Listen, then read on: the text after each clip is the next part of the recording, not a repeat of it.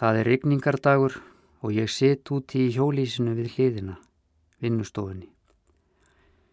Ég er búin að setja strega á trönurnar, 80 sinum 90 cm að stærð. En það gengur ekki vel að byrja að mála. Ég horfi út um litla gluggana á hjólísinu. Þeir eru votir af regni, taumar renna niður úðurnar. Ég finn til einmannaleika og vantar allan kraft til að rýsa yfir þá vöndun á mannlegum tengslum sem hefur skapast í lífi mínu. Fálmandi og hikandi fer ég samt að draga nokkur stryk á þennan grænbláa grunn sem ég var búin að láta þorna áður. Og smátt og smátt er eins og eitthvað opnist. Pensillin reyfist af meira öryggi og fimi Ég gleymi regningartaumunum á rúðunni, einsemdini í þessu afskekta dalverfi. Það líður nokkur tími. Mér finnst ég kannast við mig eins og ég var áður, þegar ég fann gleði í því að mála í hvert skipti sem ég snerti pensilinn. Það var fyrir löngu, en þetta er líkast eins konar upprifin á því. Ég er ekki með klukku en giska á að komi sér hátegi þegar ég tek loks hlið og sest í græna hægindastólinn sem mér tóst að koma fyrir í þessu litla rými á samt trönunum og öðru dóti. Ég tek upp hitabrúsan með kaffinu, helli í brúsahettuna og sípa á meðan ég virði fyrir mér það sem komið er á strygan. En ég verð fyrir miklum vonbreyðum. Þetta er engin mynd, ekkert nema fálm úr mínum ráðvilda huga. Ég andvarpa og grýp bók sem liggur á smáborðinni hjá stólnum.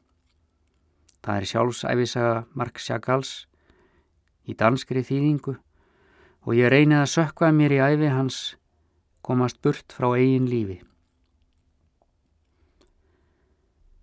Eftir að hafa klárað kaffið og lesið þetta á litla stund rýs ég upp úr stólnum og opna dyrnar á vinnustofunni.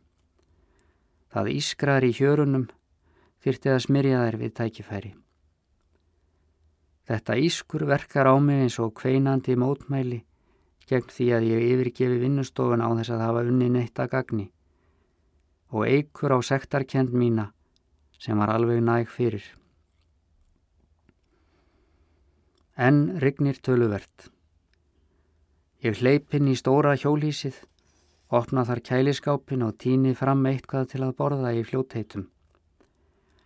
Ég þarf greinilega að fara bráðum niður í þorpið og kaupa vistir.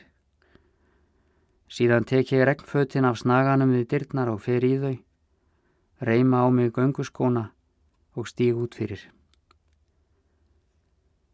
Þetta er í miðri viku og fremur fáið í hjólísunum sínum, þótt nú sé júli og margir búinir að fá sumarfríð. En hver vil vera í hjólísi í rigningu ef hann á kost á einhverju öðru?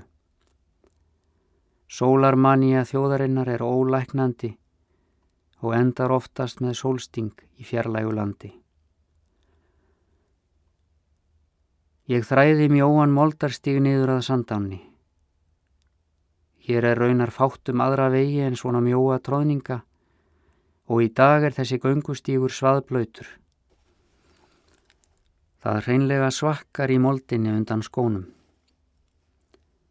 Ilmurinn af virkitrjánum er sterkur og næstum höfugur í vætunni, en bláklukkurnar sem vaksa upp við stopna þeirra eru nýpnar og býða sólardaga.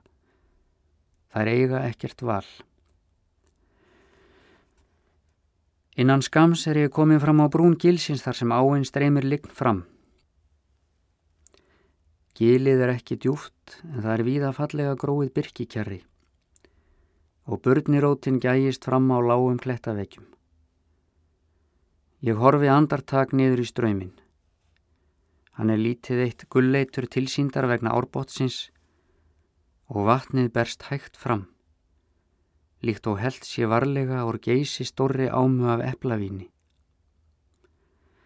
Þessi á er gæfusum því hún er svo vasslítil að engum dettur í huga virkja hana. Hins vegar hefur jökulfljótið austan við hanna þegar verið múlbundið. Þegar ég lít upp sé ég að konan sem ég gekk framhjá í röðrinu um daginn stendur á bakkanum hinnum einn. Hún er í sömu rauðu regnkápunni og þá og horfir niður í ána. Það er eins og hún sé ekki búin að taka eftir mér. Mér langar að kalla til hennar yfir ána, spyrja hana hver hún sé eða eitthvað, en ég ger það ekki. Það er eins og þessi litla eplavíns lita á hérna, sé margar mílur á breytt, eins og þetta sé Amazon fljótið. Án þess að ég fái séð að hún líti í átt til mín, snýr hún sér við og gengur hægt upp að tjaldsvæðinu hinum einn. Auðvitað væri ekkert einfaldar en að vaða yfir ána. Það er auðvelt að vaða hana. En hún er enþá breið eins og Amazon í huga mínum og ég stend bara þarna og horfi yfir til fjálsins mikla sem nú er reyndar hulið þóku og regnmistri.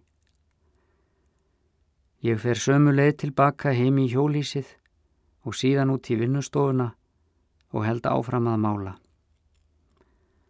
Fram úr næstum drömkendri óreiðu á myndfletinum byrtist rauðklætt vera. Þegar ég sest aftur í græna hægindastólin og virði fyrir mér myndina, finnst mér hún hafa skánað töluvert. Ég tegi mig í bjórdós undir borðinu opna hana og síp á. Bjórin er volkur en það gerir ekkert til.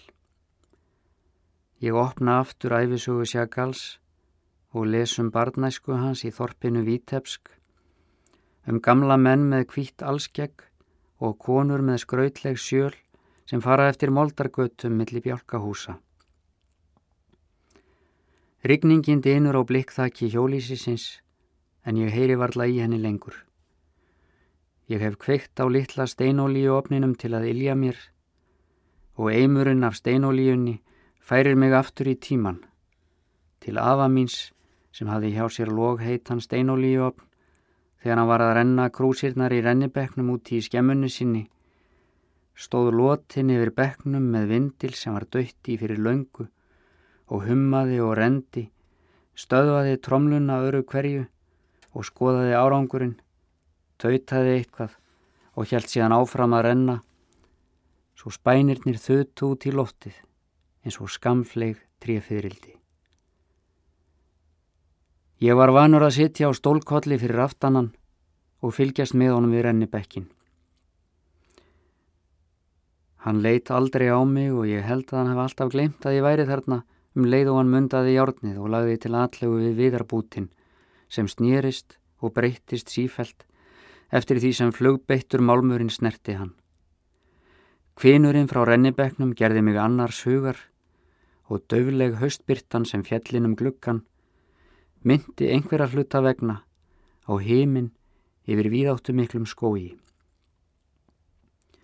Kanski var það lyktinn frá trekkupnum sem var að spænast upp eða framtíðin að vitja mín í svip eftir krókaliðum.